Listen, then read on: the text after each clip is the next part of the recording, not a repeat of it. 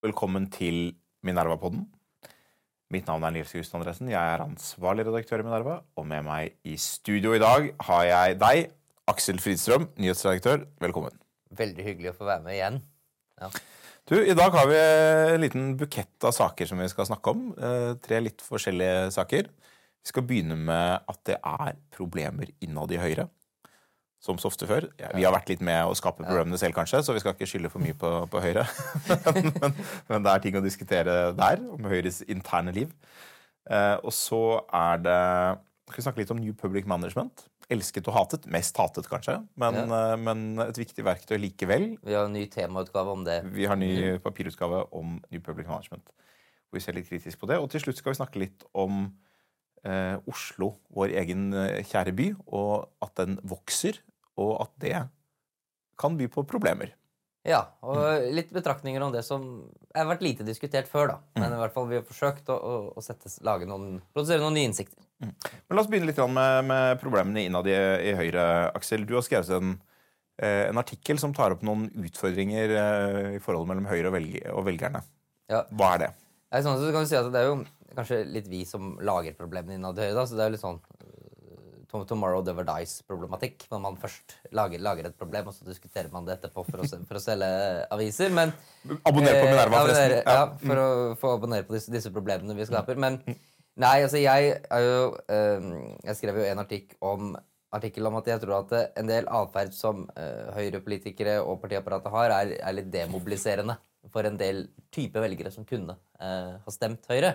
Men da et konkret eksempel på, på en stortingspolitiker. Da, så det er kanskje litt slemt å, å bare vise til eh, vedkommende. Jeg burde kanskje hatt litt bredere spekter av saker. For jeg tror ikke det er, et, det er ikke en, en, en personlig utfordring. Det er mer et, et systematisk problem. Men jeg eh, har liksom gjort meg en analyse om at eh, de som gjerne eh, vinner valg, det er de som eh, klarer å svare ut all mulig kritikk mot dem på, på en god måte. Og det har liksom eh, Høyre klart i to valg, og nå har de da i dette tredje valget eh, eh, ikke lenger eh, flertall, og borgerlig side er egentlig veld, veldig svak, historisk sett.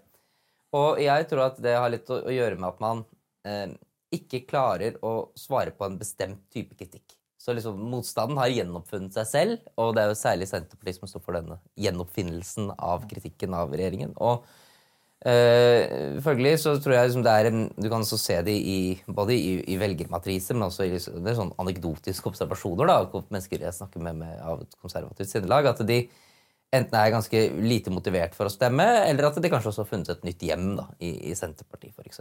Og uh, jeg tror at det kanskje har litt sammenheng med at man er veldig vant med å besvare en bestemt type kritikk, men hvis kritikken kommer fra et litt annet hold, så blir det litt vanskelig å forholde seg til, og så blir, ender man ofte bare med å utdefinere den, den kritikken. Og, og, og følgelig så bidrar det til å fremmedgjøre litt grann av ditt, ditt eget velgergrunnlag. Konkretiser litt for, for lytterne, Aksel. Altså, hvilken type, hva er det eksempelet du har grepet fatt i? Hva er det det er for noe? Og hvilken type kritikk er det man er vant til å svare på? Hva er det man ikke klarer å svare på? Nei, altså det eh, eksempelet som jeg grep fatt i, var jo for eksempel ehm, eh, denne tristheten som oppsto blant en del stortingsrepresentanter om at liksom, eh, SV ikke fikk lov til å være med i den nye regjeringen, for da ble det ikke en offensiv nok eh, klimapolitikk. Eh, og eh, for meg så virker det veldig paradoksalt, fordi eh, den saken som jo den, viktigste klimasaken til SV var jo å få til annet sånn letestans. Altså disse grunnene til at de går ut. Og det, og det, det mener jo ikke Høyre selv engang. Ikke sant? Så det blir veldig sånn rart å eh, å mene at det er veldig trist at Sosialistisk Venstreparti ikke kan tvinge gjennom et standpunkt i forhandlinger med Arbeiderpartiet og Senterpartiet eh, som Høyre selv ikke, ikke er enig i. Eh, og jeg mener at man i altfor stor grad liksom kjøper premisset om at eh, de partiene som har sånn selvutnevnt seg selv da, som, som klimapartier, med litt uh, god hjelp kanskje av mediene, som sier at de er klimapartiene. Liksom, ja, vi er best klimapartier fordi vi kaller oss klimapartier. Så man, man, man, man aksepterer det premisset da, og automatisk tenker at hvis klimapartiet SV ikke er med i regjering, da må det være dårlig liksom, klimapolitikk. Uh, og uh, jeg tror at den tanken da, om at det liksom er, er mye bedre for, for Høyre å ha med SV i regjeringen og SV ikke er med, det tror jeg det, det er ganske fremmedgjørende for veldig mange potensielle Høyre-velgere. For uh, de har jo uh, aldri ønsket å ha SV med i regjering noen gang. ikke sant? Jeg opplever det kanskje som en, en hovedmotstander eh, Ja. ideologisk Ja. eh, også. Og uh, når man kommer med den type uh, utsagn, så tolkes det veldig lett som om noen forsøker å liksom redefinere øh, partiets sjel.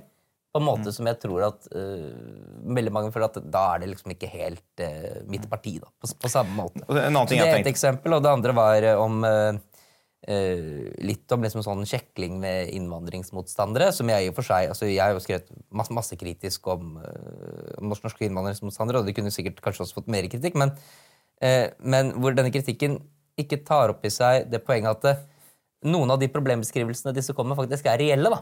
Må, må, må Eller i hvert fall deles av Ja, mange av Høyres ja, ja. eh, velgere. Ja. Mm. Altså, jeg, eh, jeg deler litt av denne analysen, Aksel. Altså, det, det som er interessant med denne tristheten over at SV gikk ut av regjering, det er jo også litt at man har jo da fått måte Høyres tillitsvalgte gjennom hele valgkampen til å stå på stand og forsvare Høyres standpunkt om å utvikle, ikke avvikle. eh, og den type ting? Hvor man har sagt at det er, vi mener at eh, norsk gass er et viktig bidrag eh, til verdens energikonsum, og at det er, et, eh, det er et bidrag også i vår klimapolitikk, eller i hvert fall en del Det må ses i sammenheng med vår klimapolitikk for øvrig. at det er, det er vi, de enorme summene som vi tjener på dette, her, også går inn i klimapolitikken. Det har vært Høyres retorikk, det har vært Ernas retorikk. Og så skjedde det på en måte to ting da, eller skjedde, det skjedde en ting før valget hvor, hvor denne omleggingen av oljeskatten kom, eh, som ble solgt inn som eh, et ledd i mindre aktivitet på sokkelen. Eh, og så, og det, På lang sikt så kan det jo tenkes at det kanskje vil være det, men, men uh, ved nærmere ettersyn så var denne omleggingen mye mer uh, nøytral enn det kanskje bl- man fikk inntrykk av de første to dagene etter at den ble lagt frem. Og, og, og hensikten var på en måte ikke først og fremst å ta ned aktiviteten på sokkelen, og i hvert fall, i hvert fall ikke på, på kort og mellomlang sikt. Eh, Men, men det inntrykket som ble spredt også fra Høyre-representanter, eh, kanskje spesielt eh, Oslo Høyre Unge Høyre også, tror jeg. Ja. ja, kanskje. Men i hvert fall det, det, det inntrykket blir jo da litt krevende for dem som har stått på stand i flere uker i valgkampen og sagt nei. Mer aktivitet på sokkelen, god, mye aktivitet på sokkelen, utvikling av sokkelen. Det er faktisk god høyrepolitikk. Det tror faktisk Høyre på. Og så kommer dette inntrykket av at nei, vi tro, tror vi ikke på det likevel. Eller eh, har vi måtte, kjøpt argumentene til SV og Venstre på dette feltet? Eller liksom, er, det, er det en konsesjon til Venstre i regjeringssamarbeid, eller er det, er det vår politikk? Altså det, blir sånn, det blir sånn uklarhet til hva, hva man egentlig tror på. Og Det er litt grann det denne, denne tristen over SVs utgang er på det litt grann det samme. Tror vi på vår egen politikk? Og Det er jo lov å ha en intern uenighet om hva som burde være Høyres politikk. Det er jo fint mulig å være med i Høyre og mene at man burde uh, ha letestans, f.eks. Men, men, uh, men det, det, det spørsmålet på en måte blir om man står vi for egen, vår egen politikk? Hva er egentlig vår egen politikk? Det, det, kan bli litt uklart. Eh, Når det gjelder med innvandring, så synes jeg det er et interessant eksempel. for jeg, det, dette er jo liksom, jeg har litt personlige erfaringer fra. Jeg jobbet jo for Høyre på Stortinget eh, i 2008 og 2009. Og da, det var jo på mange måter eh, det, det, var, det var en ganske intens periode i den innvandringspolitiske debatten, eh, hvor Høyre eh, opplevde at partiet hadde store problemer. Det var, på meningsmåling var man helt på bunn. Det var en enkeltmåling ikke så lenge etter at det begynte, tror jeg, hvor, eh, hvor man kom under 10 på, på en VG-måling eller et eller annet. 9,9 tror jeg. Eh, og Frp fløy høyt og hadde jo vært over 30 på snittmålingene tror jeg, litt tidligere. De lå litt lavere da jeg kom inn, men, men Frp lå, lå veldig høyt. Og så fikk man denne snikislamiseringsdebatten som var den aller bitreste. Per Christian Foss var ute i mediene og kom med en eller annen sammenligning til 30-tallet som jeg tror han ikke mente, ifølge ham selv i hvert fall, så, så mente han ikke som en, som en henvisning til nazismen, men en sånn det bredere europeiske antisemittismen på 30-tallet. Men det ble jo oppfattet Det, ble, det, er lett, det er lett å skjønne forskjellen. Ja. det ble jo opp, oppfattet som, som en, eh, som en Hitler-analogi, og, og, og der gikk liksom debatten. Og jeg fikk, vi fikk også, Alle som jobbet i stortingsgruppen, fikk masse tilbakemeldinger fra, fra velgere på, på hvordan den debatten eh, forløp. Eh, og det var en sånn viktig, viktig læring for meg som lå i det. For jeg var også ute og, og fordømte snikislamiseringsutspillet, og jeg mener at det var, jeg mener også at det var uklokt og polariserende, og at det manglet eh, godt belegg. At det var en dårlig beskrivelse av de, eh, de utfordringene som, som følger med emigrasjon og, og muslimsk tilstedeværelse i Norge. Eh, men, men det jeg lærte, var at eh, når, du, når du møter en sånn problembeskrivelse og bare svarer den ut med fordømmelse, så mister du en veldig viktig sjanse til å gi din egen problembeskrivelse, fange opp det som er legitimt, fange opp det som dine egne velgere kanskje er bekymret for, eh, og som de kan legitimt være bekymret for. Også velgere som ikke er rasister, som ikke mener at det fins en snikislamisering, som ikke mener at det fins noen stor konspirasjon, eller at det ikke eh, nødvendigvis er den største trusselen mot Norge, eller at islam er den ene store faren, eller noe sånt, men som har en del konkrete bekymringer som, eh, som hvis de må velge mellom at noen sier er, vi er bekymret for snikislamisering, og andre sier de som er bekymret for snikislamisering, er eh, Hitler. Hvis de bare har de to alternativene, så velger de det første. Eh, og det å på en måte finne ut hvordan man skal håndtere en sånn type uh, Håndtere de debattene, uh, håndtere de type utfordringer, det tror jeg er, ganske, det tror jeg er viktig for, i og for seg for alle partier. Men, men, det er en type utfordring som er kanskje spesielt viktig for Høyre, mm. som, har, som, er et konservativt parti, som har mange konservative velgere, og som, kan, som har potensiell velgerflukt til Frp og til Senterpartiet, som vi i det, i det, dette valget. Det er litt det samme som jeg tror altså David Frum har tatt opp i sånn amerikansk politikk. Altså hvis, de, hvis de eneste som liksom er villige til å bygge en uh, grensemur mot uh, Mexico, er uh, fascister, mm. og de andre sier det er, det er fascisme å bygge en grensemur mot Mexico, så mm. kommer de til å si at da vil vi at fascistene skal bygge grensemuren mot, mot Mexico, fordi ja, Eller i hvert fall opprettholde grensen. Ja. men jeg tror altså, det som er poenget ditt, kanskje, det er at det er Eh, hva er årsaken til at det er vanskelig for, eh, for, Høyre å få dette til på en god måte? Fordi i en viss forstand så er det en slags åpenbar analyse. Du ser på dine egne velgere. Det finnes masse velgerundersøkelser som viser at for de fleste partier så er det sånn at velgerne i innvandringsspørsmålet er mer restriktive enn partiene. Det gjelder ikke alle, men det, gjelder Høyre, det gjelder Arbeiderpartiet, det gjelder, jeg tror til og med gjelder Venstre. Uh, så, man, så, så, det er noe som partiene liksom litt sånn åpenbart burde være klar over. Uh, og sånn, og Det er jo litt det samme i, i klimapolitikken, at man ser at det er Eh, her er det også ulikt for ulike partier, men for Høyre er det sånn at du har, eh, du har mange velgere som, som har tilknytning til industrien, til, til, til, til, sokkelen og sånn. At man i hvert fall må være klar over hvilke bekymringer de har, og hvordan man, man, svarer på dem. Eh, men jeg tror noe av det som skjer, som er kanskje det du tar opp, er at eh, debatten i mediene er typisk mer liberal eh, eller mer venstreorientert. Kritikken som fremkommer der, er oftere fra venstre. Ikke alltid, men det er oftere fra venstre. Og det er en type kritikk som man er trent til å svare på. Mm. Altså, hvorfor, hvorfor, vil ikke, hvorfor, vil ikke, Høyre eh, stoppe sokkelen i morgen? Da har man fått et svar jo da, vi skjønner godt bekymringen, og vi er, vi er også opptatt av klima, vi er opptatt av at norsk sokkel skal redusere, men vi gjør i stedet dette, og nå skal vi elektrifisere og, og si forskjellige ja, ja, ja. ting. Men hvis noen sier, uh, hvis noen sier det motsatte, uh, vi, er, vi er bekymret for at Høyre gjør for mye av det, gjør for mye av dette. Det er for mye elektrifisering. Det er ikke noe fornuftig. Det er dyrt. Eh, det er, det er ikke et godt klimatiltak. Eller eh, det er for en liberal innvandringspolitikk. og det er eh, alle de som har avslag, skal sendes ut av landet. og Hvorfor blir ikke de sendt ut når de har avslag? Da er man mindre trent i hva man skal si. Og så er det sånn at Da del... sier man ikke lenger da, jeg, jeg, er enig i at det koster en del penger, men vi er liksom nødt til å gjøre det likevel pga. litt sånn og sånn og sånn. Da blir ja. det liksom bare Hvorfor skal du være klimasinke? Ikke sant? Ja, sånn avfeil, og så er det jo ikke sant, så er det noe med at en del av den kritikken av den typen fremmes jo av folk som eh, Noen av de som fremmer denne kritikken, er klimasinkere eller klimafornektere. Mm. Uh, og noen av de som fremmer innvandringskritikken, er rasister. Mm.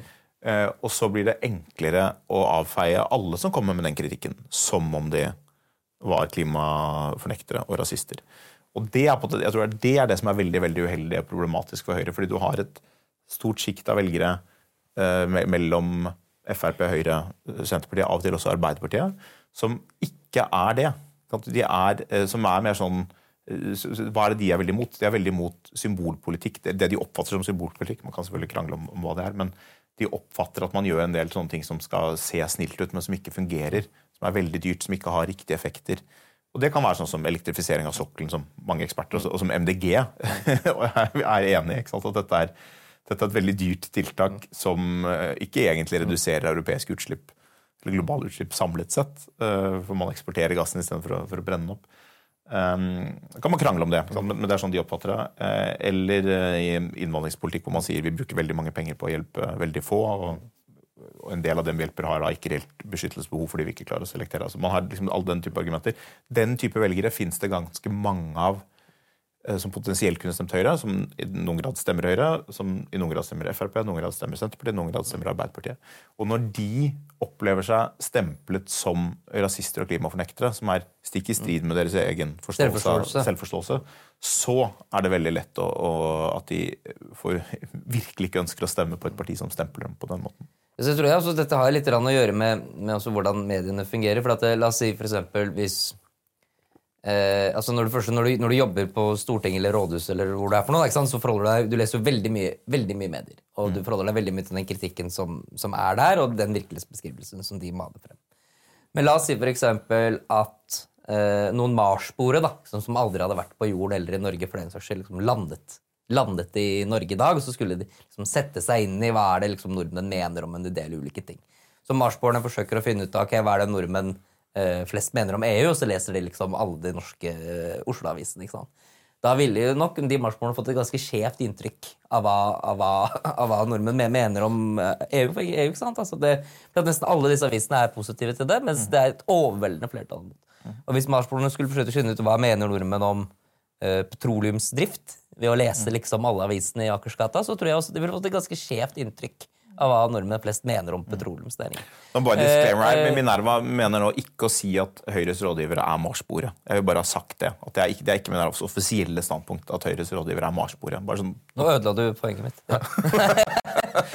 Nei, men jeg, men jeg tror at det er en, en, en viss uh, Liksom en eh, det, er- det, er- det, er- det, er- det er lett da å, å, å, å gå litt i den fellen. Og du ser for eksempel litt av det som jeg tror uh, en del partier har liksom litt suksess med, er at de, de bryter litt med de narrativene som eh, mediene selv etablerer, og så er det et, marked for den type velgere òg. Eh, og jeg tror at det som uh, Høyre må gjøre, at de, må De skal ikke nødvendigvis bryte med de narrativene som er i, i, liksom i hovedstadsmediene, men de må klare å balansere og forstå at det ikke er uttømmende for de bekymringer som finnes i samfunnet knyttet til en del uh, Altså jeg tror det, det som er litt interessant i en del debatten, er at det, ofte så får, får du folk som er etablert i sånn de, de ulike narrativene, opplever begge at det andre narrativet nesten ikke fins. Sånn de, de som lever i Kall det hovedstadsmedienarrativet, det er jeg ikke så glad i ordet, men altså de som lever i, et, uh, i en boble der man oppfatter at de nå er det liksom bare tidsspørsmål før alle vil avvikle sokkelen. Uh, de de opplever at eh, de som mener noe annet, det, det er, de er liksom utdødende dinosaurer. Mens de som eh, har det motsatt, de opplever at det er bare inni denne Oslo-bobla at folk er bekymret for, eh, for sokkelen. Realiteten er, altså, hvis du ser, det er jo på en måte ganske mange som mener begge deler. Og begge deler er, kunne være viktige velgergrupper for Høyre. Og hvis du ser i Oslo isolert, så tror jeg en ganske stor andel som er kritiske til, til videre leting, f.eks. Er, Nå husker jeg ikke meningsmålingen, men jeg lurer på om det er kanskje 30% eller noe sånt nasjonalt. Så det er, jo, det er, sånn- det er ganske mange som, som, som mener noe sånt. Men så er det flere som mener det motsatte. Og, og det er klart at For et parti som, som Høyre, som eh, er liberalkonservativt, har liberale og konservative stemmer, og som både har selvfølgelig potensielle velgeroverganger både til Venstre, eh, altså partiet Venstre, og til Frp, og i og for seg til, og til Senterpartiet og Arbeiderpartiet. De, har både, de, de kan miste velgere i mange ulike retninger. Og da er det sånn at det partiet Det er vel et poeng du har trukket frem, Aksel. Det kan være et, på en måte et veldig konservativt eh, næringsparti. eh, som er veldig sånn realpolitisk og og oljeorientert og, og strengt. Og litt sånn. Og da er det et parti på 13-14 og så kan det være et veldig liberalt uh, parti som eh, søker samarbeid med MDG og, og er veldig urbant og, og hipt og sånn, og det kan også være 14 Ja, så jeg mener at de har, de, de har potensielt to grunnfjell. da, Ja. sant? Så de kan enten, Hvis de kan få bunnotering på det liksom liberale grunnfjellet på 14% de kan også få en bunnotering på det konservative på 14 mm. Men når partiet er på det beste, så klarer de å legge de to oppå hverandre og få 30% Og Derfor er det veldig dumt å drive politikk i, enten i veldig langt i konservativ retning, som fremmedgjør de liberale, eller i veldig langt i liberal retning, som fremmedgjør de konservative. Eh, fordi at da utdefinerer du veldig mange av de som kunne stemt på Trygve. Så det handler litt om at man, man må også da i en viss forstand klare å finne noen funksjonelle kompromisser, eh, hvor man eh, finner litt sammen i virkelighetsbeskrivelse, eller, eh, eller i hvert fall er enige om hvordan et kompromiss skal, kan se ut, og at man klarer å, å behandle hverandre med, med en viss form for respekt. Eh, og det er jo det som kanskje eh, som, som kanskje vår krangel med, med Høyre nå, da din artikkel har, eh, har bidratt til å få frem at det er litt at det kan av og til være litt krangler på disse tingene, og man trenger å finne bedre måter å kanskje løse det på. Men du, eh, nå har vi snakket nok om at det er problemer innad i Høyre. Vi skal gå videre til, til andre problemer. Vi har en Det var veldig brått skift. Ja, det er brå skift. ja. Det er brå skift. Det er ikke noe vei Veldig effektiv sånn fast TV. ja, fordi, fordi vi har jo mange ting vi mener om, vi må måle og veie at vi ikke bruker for lang tid på hvert element. Det er en Segway til neste tema, som er New Public Management. Ja. Som handler om å måle og veie alt mulig rart. Vi har begått eh, en papirutgave om New Public Management, og du har skrevet eh, hovedartikkelen her, Aksel. Hva, hva, er, eh, hva er det vi vil frem til? Nei, altså Jeg kan si det startet jo med en sånn fornemmelse, da, egentlig, den artikkelen har et fornemmelsesutgangspunkt, om at det er noe med dette New Public Management-biten som, som, som er litt rart. At det er noe her som, som liksom skurrer litt, som det kan være verdt å pirke litt grann i. Og, eh, men for å skrive den artikkelen så måtte jeg jo også selv jeg bruk, brukte en del tid på, på virkelig å sette meg litt inn i hva dette New Public Management egentlig er for noe. Fordi at eh, jeg mener at det er et begrep som nyttiggjøres litt sånn som man nyttiggjorde begrepet neokonservativ i gamle dager. Ikke sant? Det er ingen som går rundt og kaller seg så for neokonservative, så det er ingen som selvidentifiserer seg liksom med neokonservatismen, men det er liksom en, en sånn eh, en samleideologi der folk liksom putter alt det de ikke liker. Det er det neokonservative. ikke sant? Og New Public Management er nok også litt sånn, for det er ikke helt klart definert, og det er veldig få som liksom går rundt og sier ja, nå skal vi gjøre New Public Management, hurra, hurra. Ikke sant? Men det er veldig mange som er veldig kritiske til det, og som øh, tenker at alt som de mener er, liksom er feil med modernisering av norsk offentlig sektor, det er, det er New Public Management. Uh, så litt av eh, utgangspunktet for artikkelen var å forsøke å liksom få en litt klarere definisjon av hva det dette egentlig er for noe. Eh, og det er jo på sett og vis en form for styring av offentlig sektor som tar utgangspunkt i en analyse om at offentlig sektor er veldig tregt og ineffektivt, privat sektor veldig bra. Så hva kan man liksom lære? Hva kan offentlig sektor lære av privat sektor? Og hvordan kan man liksom lage privat sektor-markeder inne i offentlig sektor? Eh, hvor det er en del uh, Det er egentlig tre liksom, brukte jeg jo en forskningsartikkel som hadde liksom noen bærebjelker for det. da, Men det ene er liksom resultatmåling og uh, insentivering med differensierte lønnsstrukturer, sånn som man har i privat sektor. Og det andre er liksom konkurranse, og det tredje er, liksom, er oppstykking av, av disse virksomhetene liksom, i, i, i mindre enheter. De henger vel litt, henger litt grann sammen også. Altså, du, du stykker dem opp for, å, for at du skal kunne anbudsutsette og Ja, ja, konkurranseutsette henger- enkelte elementer. De, de, de, de, henger, åpenbart eh, helt klart sammen. Uh, men det er, det er mulig å stykke opp uten konkurranseutsette også, altså bare for at man som, uh, har det klart. Og eh, eh, det vi, jeg liksom har forsøkt å, å gå litt og se på? Altså, i hvilken grad liksom, finnes det noe særlig eh, empiri på at dette egentlig er lurt. Og eh, det som er funnet, er jo egentlig at det har man ikke noe, noe så veldig godt svar på. Fordi at, og det er liksom det paradoksale med det hele er jo at New Public Management er jo et system som har mye av rettferdiggjørelsen sin i det at eh, hvis man liksom, det er viktig å måle resultater ikke sant? For, for virksomhetene på, på, på mindre nivå. Men eh, det er umulig å måle resultatene av hele dette paradigmet per se. Så det er et veldig stort paradoks i, i dette, og du kan finne eh, litt sånn anekdotiske observasjoner på eh, at det er noe som er veldig rart. Ikke sant? Altså, det som minner mest om New Public Management i Norge, da, for det er ikke så veldig mye New Public Management i Norge, egentlig, men det, det som liksom minner, minner mest om det, er f.eks. jernbanesektorreformene. Mm, Det er jo stykket opp masse selskap, opp masse, og noen av dem er da eh, konkurranseutsatt. Noen av dem er konkurranseutsatt, andre av dem er det ikke. Og i den sektoren nå så uh, fant vel vi, når vi bare gikk gjennom på, på sidene deres og sjekket litt på LinkedIn, og sånn, så er det litt i underkant av 20 personer for jernbanesektoren som helhet som har jobb som kommunikasjonsdirektør, kommunikasjonssjef, pressesjef, altså en eller annen lederstilling innenfor kommunikasjon. Og de har til sammen en kommunikasjonsstab på rundt 50 stykker. Så for hele sektoren. Så jernbanesektoren sysselsetter flere kommunikasjonsårsverk enn First House.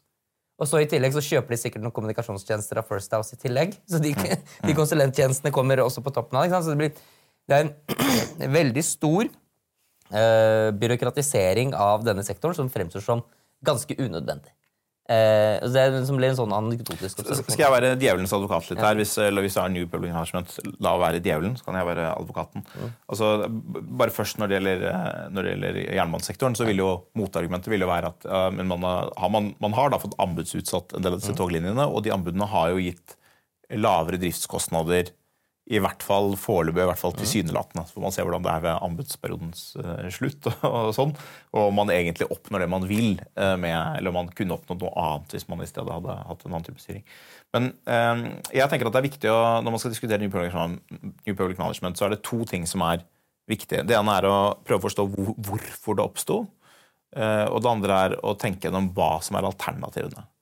Um, og hvis man går historisk på det i Norge, så er det på en måte det, viktigste dokumentet for New Public Management, uh, eller for, for de endringene i offentlig sektor som, som har uh, bidratt dit, det er denne NOU-en, Norsk offentlig utredning, som het En bedre organisert stat, um, ledet av Tormod Hermansen, som, som da var uh, jeg tror han var finansråd, departementsråd i, i Finansdepartementet, og senere ble direktør i det som den gangen var Televerket, og som ble Telenor. Som var, og han fortsatte å være direktør i Telenor, som var et, et eksempel på New Public Management. Altså det var en, en eh, statlig etat som ble børsnotert og konkurranseutsatt.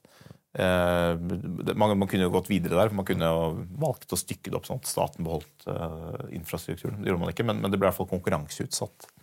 Med, eh, Ja, ble det egentlig det? Det ble Ja, privatisert. ja, I hvert fall på mobil. da. Altså, Det var jo, handlet om at det kom med ny teknologi, og sånt, men nå har du, nå har du mange telefonoperatører. Og, og det ble kommersialisert. Eh, altså Det fikk nye mål for driften i form av profitt, som er litt i tråd med New Product Management. Og, uh, og ekspanderte til å bli et stort og vellykket internasjonalt selskap. som det jo ikke var. Og jeg tror alle vil være enige om at teletjenestene i Norge er bedre i dag enn de var i, på 80-tallet. Hvor det var lang ventetid på telefon og, og sånn. Så, så det er liksom, det er én type eksempel. Men, men hva er årsaken til at det kom? Jo, årsaken til at det kom, er at offentlig sektor ekspanderte veldig.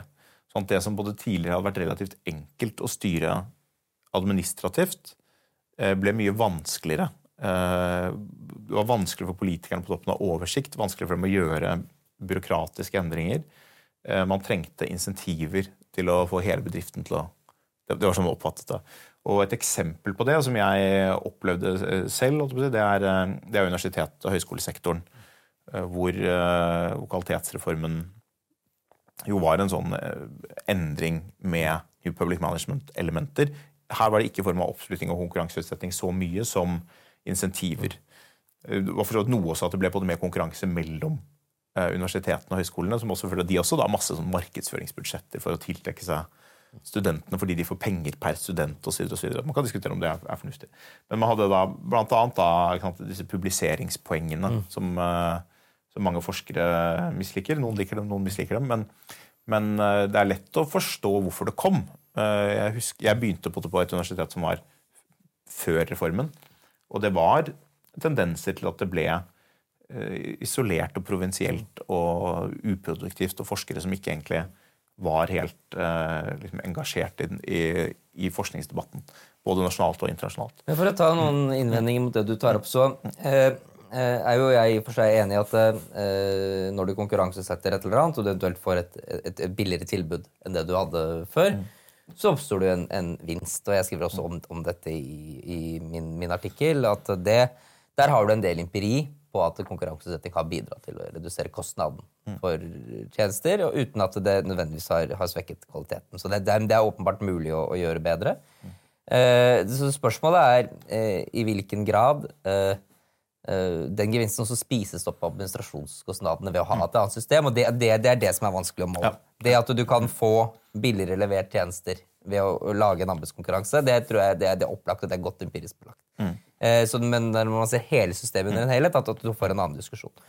Eh, og så er det jo liksom dette med Ok, er Telenor privatiseringen av Televerket til Telenor, er det New Public Management? Ja eller nei? Det kommer litt an på hva du velger å fylle begrepet med. Ja da. Eh, Eh, jeg holder meg til streng, en så streng definisjon av det at jeg tenker at det ikke er noe public management, fordi at det, Telenor nettopp slutter å være egentlig en, en, en offentlig eid drevet virksomhet. Altså det, det, er fullt ut privatisert. Eh, og jeg tror kanskje at det kanskje til og med ofte er en, en bedre løsning da, enn en, disse, lage disse semimarkedene. Så fullt ut privatisert i betydning at det er børsnotert? Og, børsnotert, og, og, solgt, øh, kanskje også at den er minoritetsaksjonær, f.eks.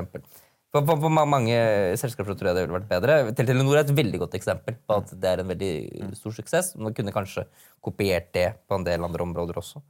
Um, så hadde du uh, ja, men altså, bare, bare, for jeg, enig, altså, jeg, tok frem noen, noen gevinster med New Product Management. Men det, det, jeg er enig er på at jeg tror at uh, en viktig punkt for, for, Høyre, hvis vi går for borgerlig side altså, dette, dette, kommer frem litt sånn tverrpolitisk. fordi to, Hermansen var jo Arbeiderparti-mann. Mm. Og for sosialdemokratene var New Public Management-tanken viktig fordi man ønsket å bevare en stor offentlig sektor. Mm. Og etter hvert som den este ut, så ble det viktigere at den var styrt godt. Fordi det, er en grense for hvor mye den kan ese ut på en uproduktiv måte. Så det, så det å få til effektivitet i offentlig sektor det er et veldig viktig anliggende. Det var et veldig viktig anliggende for sosialdemokrater. Og så ble det et veldig viktig anliggende for, eh, for, for Høyre spesielt.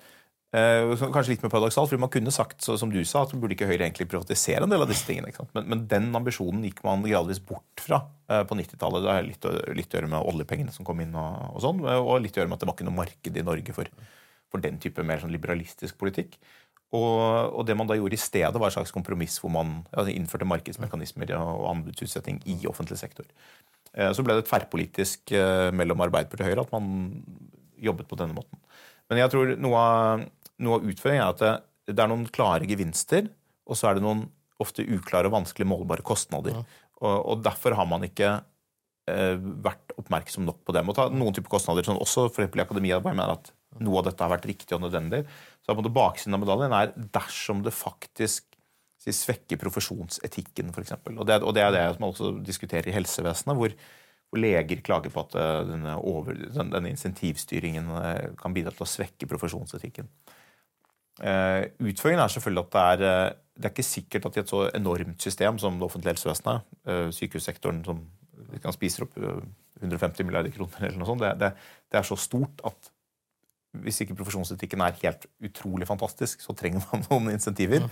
Uh, men så er dilemmaet at insentivene kan bidra til å å påvirke profesjonsetikken. Og det er det samme hos forskere. at man blir, man blir, også for påvirket av at man skal publisere akkurat der på den måten og på den måten. Og, hvis, du, si, hvis, du, hvis, du, hvis, du, behandler embetsmenn, forskere og andre som en slags rasjonell økonomisk agent, eh, så, så, kan jo det virke bra på kort sikt. Men hvis aktøren faktisk blir en rasjonell økonomisk agent, da finnes det nesten ikke det insentivsystemet i verden som kan bidra til at dette, dette ender godt. Da, ja, og Det er en av funnene fordi, man, av disse forskerne som har analysert at eh, New Public Management fungerer faktisk best i de stedene hvor de har ganske høy profesjonsetikk. Mm. Fordi at Selv om de får noen incitamenter, gjør sånn og sånn, og sånn, mm. så skjønner legene eller sykepleierne mm. intuitivt at det er en del ting de må gjøre som de ikke blir målt på, mm. og gjør det likevel. Så du får ikke så perverse insentiver. som du ellers perverse utslag av insentivene. Ja.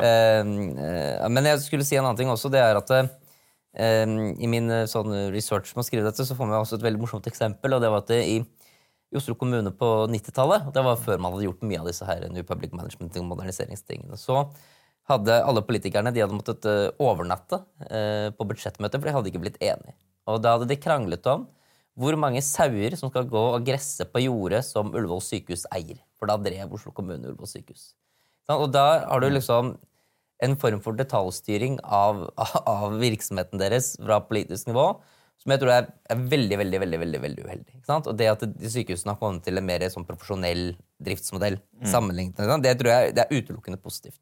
Mm. Men det som man kan diskutere, er Hvis du sier at du har en virksomhet med si 1000 eh, ansatte, da, så ansetter du si ti administrativt for å gå inn og effektivisere den virksomheten, mm. så vil jo de først løse en del sånne lavthengende frukter, så det er åpenbart ganske attraktivt i starten. Mm. Men etter hvert så vil også veldig mange av de tingene som kan effektiviseres og bli bedre, uh, uttømmes, da, hvis du mm. tar en, en, ueffektiv virksomhet og forsøker å effektivisere den. Uh, og det som man ser uh, mye av i Norge, er at det administrative laget vokser. Mm. og det er litt rart, fordi at man skulle tro at hvis Eh, eh, virksomhetene ble bare mer og mer effektive, så ville det ikke nødvendigvis heller vært behov for et veldig mye større administrativt lag. ikke sant? Så Det er en mistanke om at mye av effektiviseringsgevinsten som oppstår, tas ut ved å ansette flere i administrative stillinger.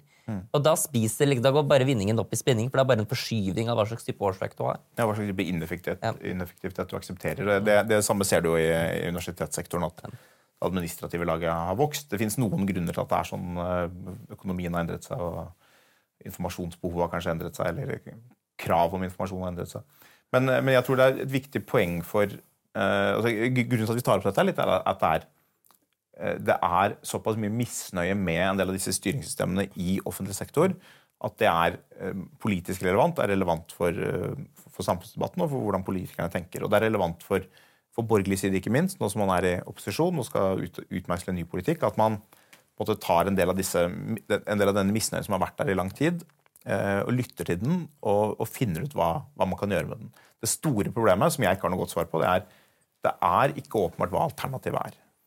Eh, jeg tror Alle systemer gir en eller annen form for insentiver. En eller annen form av styring av offentlig sektor er åpenbart eh, helt nødvendig. Så det er på en måte spørsmål Finnes det steder der, der insentiver for bare like gjerne kan erstattes med en rammebevilgning?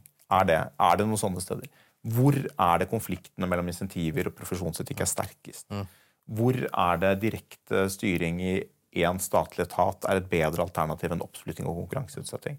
Altså At man stiller de spørsmålene i hvert fall åpent, og, og ser hvor ofte det finnes et svar som, som er noe annet enn det man har kommet med. Det er ikke sikkert det er så veldig ofte. Eh, og Du kan må, må tenke nytt også på hva slags type alternativ man, man ser for seg. fordi det er, jeg tror det, det har vært Mye av problemet med New Public Management-kritikken er at den, den har hatt et for vagt forhold til årsaken til at det dukket opp, og et for lite konkret forhold til alternativene. Man snakker om en tillitsreform eller bla, bla, bla, men man gir ikke noe ordentlig innhold som, eh, som er politisk gjennomførbart eh, i store systemer med titalls av milliarder kroner som, som flyr rundt.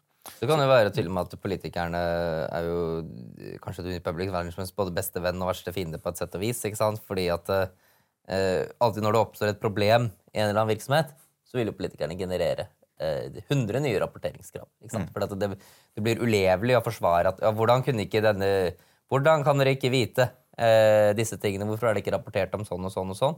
Og til slutt så ødelegger jo systemet seg selv i, fordi det drukner i, i, Ja, ja. i nye krav. Fordi man har eh, intoleranse for at eh, Så- altså, det, det, det er umulig å drive et helt land med masse kommunale virksomheter og etater uten at det, det noen gang liksom oppstår en feil. Ja. Men så skal man late som at det er mulig. Ja, og, og, og dette er jo noe som egentlig ikke det- det- Dette er jo litt separat, for det, det, det er på en måte blitt en del av det vi oppfatter som New Public Management, fordi det genererer mange byråkratiske systemer og målinger og, og sånne type ting. Men etterspørselen her skyldes jo ikke egentlig de opprinnelige grunnene til, eh, som, som er beskrevet i Hermansen-utvalget, men, men det skyldes en endret mediehverdag mm. og en, en, en endret toleranse kanskje i befolkningen for at enkeltfeil skjer. Mm. Så, så de som skal gå inn for en virkelig tillitsreform, de må også si det kommer til å skje feil. Og når de skjer, så vil vi ikke kunne si hvorfor de har skjedd. eh, Og vi vil ikke nødvendigvis ha en effektiv politikk for å hindre at de skjer igjen. Altså det, det vil på en måte være, eh, være sånn det kan, kan måtte bli da, hvis man skal gå mer bort fra denne rapporterings- og kontrollerings- og insentivtypestrukturen. Men du, vi skal gjøre et nytt brått skifte Ja. og snakke om et helt nytt tema. Eh, og nok en gang så skal vi gå til en artikkel av, av deg, Aksel Skidstrøm. Det handler om at eh, Oslo vokser, og at det er dyrt. Fortell hvorfor det er dyrt. Nei, eh, vi skal skrive flere artikler om dette, seg, men eh, vi har jo nå en, en første, artikkel klar, hvor man vi forsøker å eh, se litt på hva som egentlig skjer med Oslo kommunes økonomi. For når man jo over ganske lang tid så har jo gjelden til Oslo kommune eh, vokst. I hvert fall ty tydelig per altså tydelig i totalmengde, men også tydelig i, per capita. Eh, og nå også i det siste eh, budsjettforslaget til eh, byrådet til Raymond Johansen, så legger man det opp til, til en enda større eh, gjeldsvekst. Og eh, jeg er litt sånn interessert i eh, litt hvor, hvorfor det skjer.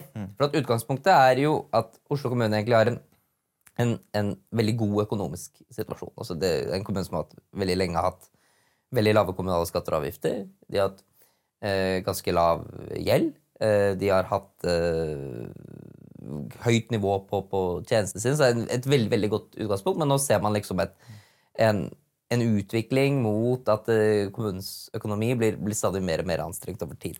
La, la oss ta Eh, og- tallene bare før vi går videre, Aksel. Hva, hva er det som har skjedd med gjelden? Altså, den har gått fra rundt årtusenskiftet var det nesten ingen gjeld. Ja, altså det, var, det var gjeld, men det var et lavt nivå per, Ja. per innbygger. Per da. innbygger, altså 5000 kroner per innbygger, eller ja, noe- netto, noe. Nettogjeld per innbygger er noe sånt for starten av 2000-tallet, og nå er det 50 60 70 ja, 50 000. Nå er det snaut 50 000, og så er det i forslaget som ligger for de neste årene, så vokser den til nesten 100 000. Ja, i hvert fall brutto, bruttogjelden rundt 100 000. Ok, ja.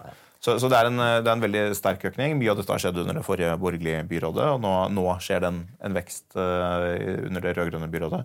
Så dette er liksom litt, sånn, litt Dette skjer helt uavhengig av, av hvem som styrer, og det er, det er veldig lite debatt Men om hva er årsaken til dette? Fordi. Jeg trodde at eh, kommunene de skal ha, de skal gå i balanse. Det er Driftsregnskapene i kommunene skal gå i balanse. Det, hvordan skjer den gjeldsoppbyggingen?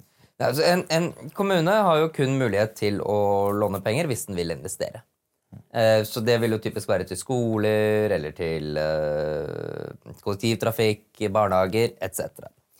Så eh, hvis gjeldsnivået i en kommune går opp, så er det egentlig tre mulige forklaringer. Det ene er jo at kommunen endrer ambisjonsnivået for den kommunale infrastrukturen. Så man mener at vi må, ha, vi må, bare ha veldig mye flottere bygg etc.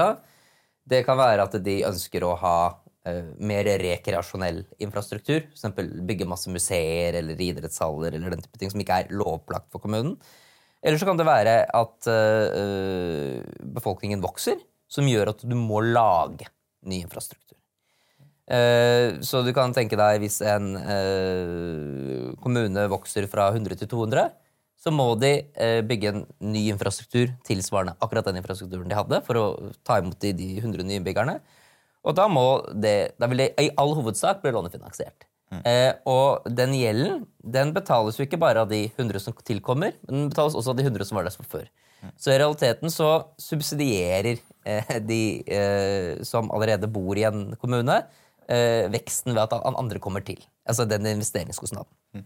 Eh, det i seg selv trenger jo heller ikke å være veldig negativt. For du kan jo tenke at hvis eh, de som flytter inn i en kommune, er jo typisk eh, allerede ferdig utdannet eller nesten ferdig utdannet.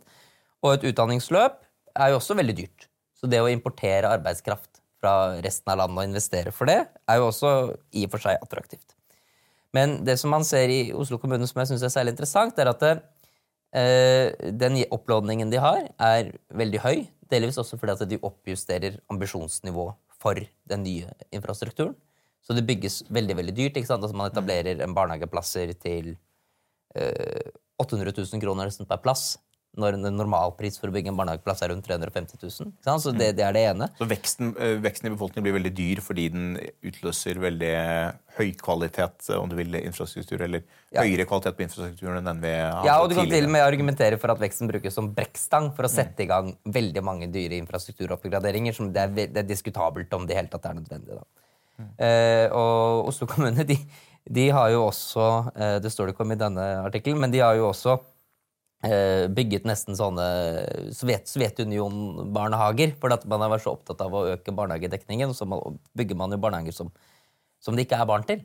For at, eh, det er ikke nok utvikling av barn. Så man har bygget, Oslo kommune har bygget en eh, barnehage på Skullerud med 250, med 250 plasser, med, liksom, med insekthoteller og solcellepaneler og, og grønnsakshager og alt dette. Så altså, hvis man hadde satt en sånn glasskuppel oppå det, så ville du trodd at det var sånn plantegning den første humanetableringen eh, på Mars.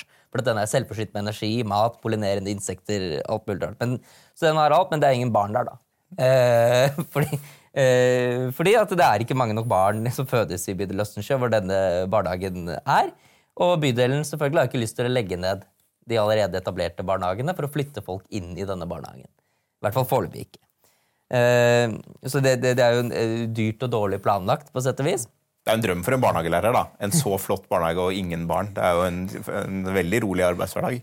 Ja, men der Du får liksom, tid til å jobbe med planverk og Ja. liksom, egenutvikling og veldig mye annet. Da tror jeg bydelsadministrasjonen de er, de er smarte nok til at de, de, de skjønner at det, at det er eh, en barnehage som har 365 planleggingsdager i året, ikke er liksom den beste bruken av, av penger. Eh, men eh, så eh, dette er jo da den, Men uansett, så tilbake til hovedpoenget, nemlig at det er ikke nødvendigvis så veldig dumt å, å investere for å importere arbeidskraft. Men det fordrer jo også at den arbeidskraften du får, i snitt er litt mer produktiv enn den arbeidskraften du har. Eh, for de skal jo i tillegg betale for renten av avdraget på den delen som etableres. Eh, og det er det nok litt tvilsomt om er tilfellet for Oslo kommune, fordi at eh, man eh, Innlandsinnflytting i Norge for Oslo kommune er jo blitt et, et negativt tall. så du, Internt i Norge så flytter det flere ut enn det flytter, flytter inn. Så hele befolkningsveksten er eh, eh, fra utlandet, eh, og, og mange av dem med et lavere utdannelsesnivå enn det som er normalt i Norge. Så, eh, og det fører til at eh, befolkningsveksten skjer eh, på en måte der hvor marginalveksten er ofte personer som har eh, lavere skatteinngang og høyere tilbøyelighet for å bruke kommunale ytelser og tjenester. Eh, og følgelig så kan man argumentere for at eh, denne investeringen i ny infrastruktur som Oslo kommune gjør, eh, egentlig er en investering til, til utgiftservervelse. Altså, jeg tror du, du viser til noen tall i artikkelen din, Aksel, hvor du, du viser at eh, du viser noen tall for anslag for befolkningsvekst og noen anslag for, for driftsregnskapet, Ja. eh, hvor, hvor det svekkes lite grann. Altså, det er ikke så veldig dramatisk virkning, men driftsregnskapet svekkes lite grann. Eh, Men realiteten er da at eh, for at, disse, for at det skulle kunne bære investeringene, betale for investeringene, så måtte det gått med stort overskudd. Og det gjør det ikke. Sånn at investeringene blir eh, det, det, det, det er derfor gjelden øker, for å si det veldig enkelt. Vi, vi får flere innbyggere. Det blir ikke noe overskudd på driftsregnskapet, men det gir betydelig investeringsbehov. Og det er, det er den gjeldsoppbyggingen vi ser i Oslo kommune. Så hva, hva skal vi gjøre med dette her, da? Det må vi kanskje skrive flere artikler for Ja, vi skrive flere artikler da, men jeg tror at det kan være i hvert fall et godt sted å starte er å, å, å diskutere litt sånn hva slags type utvikling man vil ha, og hva er de ulike konsekvensene av, utviklingen. Det andre er jo i så fall hvis Oslo kommune skal eh, vokse med så og så mange innbyggere, så er det jo også relevant å spørre seg eh, eh, hvem skal betale for alle disse investeringene. For nå liksom smøres jo prisen for investeringene flatt utover hele befolkningen. Man kunne for også sett for seg at de som etablerer nye boliger, altså utbyggerselskapene eller tomteeierne også må være med å betale for dette i en langt, langt større grad. Da. Eh, så for eksempel, altså hvis eh, Nå kan vi ta et, et veldig relevant eksempel, for eksempel, er jo eh, i kollektivselskapene. De eh, har jo tidligere utredet at hvis Oslo kommune skal vokse til sånn 800 000-900 000 innbyggere, sånn som ligger i befolkningsprognosene, så må de ha eh, 100 milliarder nesten i, i, koll i ekstra kollektivbevilgninger. Eh, og da er det ikke helt utenkelig for eksempel, å si at de som etablerer eh, nye leiligheter eller bygger ut store byggeprosjekter, at de er med å ta en del av den, del av den regningen på en annen måte. Eh, og foreløpig så har egentlig ikke kommunene de har ikke lov til det, så det er ikke noe som Oslo kommune sånn uten videre kan gjøre. Men jeg tror at det er en, eh, det er en ve- veldig relevant diskusjon å ha da, på måten man egentlig driver byplanlegging i, i Oslo og andre byer på. Det, det som er, eh, det er interessant, er jo mange kommuner i Norge som eh, er bekymret for befolkningsfraflytting. Det vil jo gjøre at eksisterende infrastruktur blir, blir mindre effektiv. Det er færre som bruker den. Men, eh, men i Oslo er vi da bekymret for at tilflytting øker behovet for investeringer og fører til kostnader. Så det er litt sånn interessant paradoks.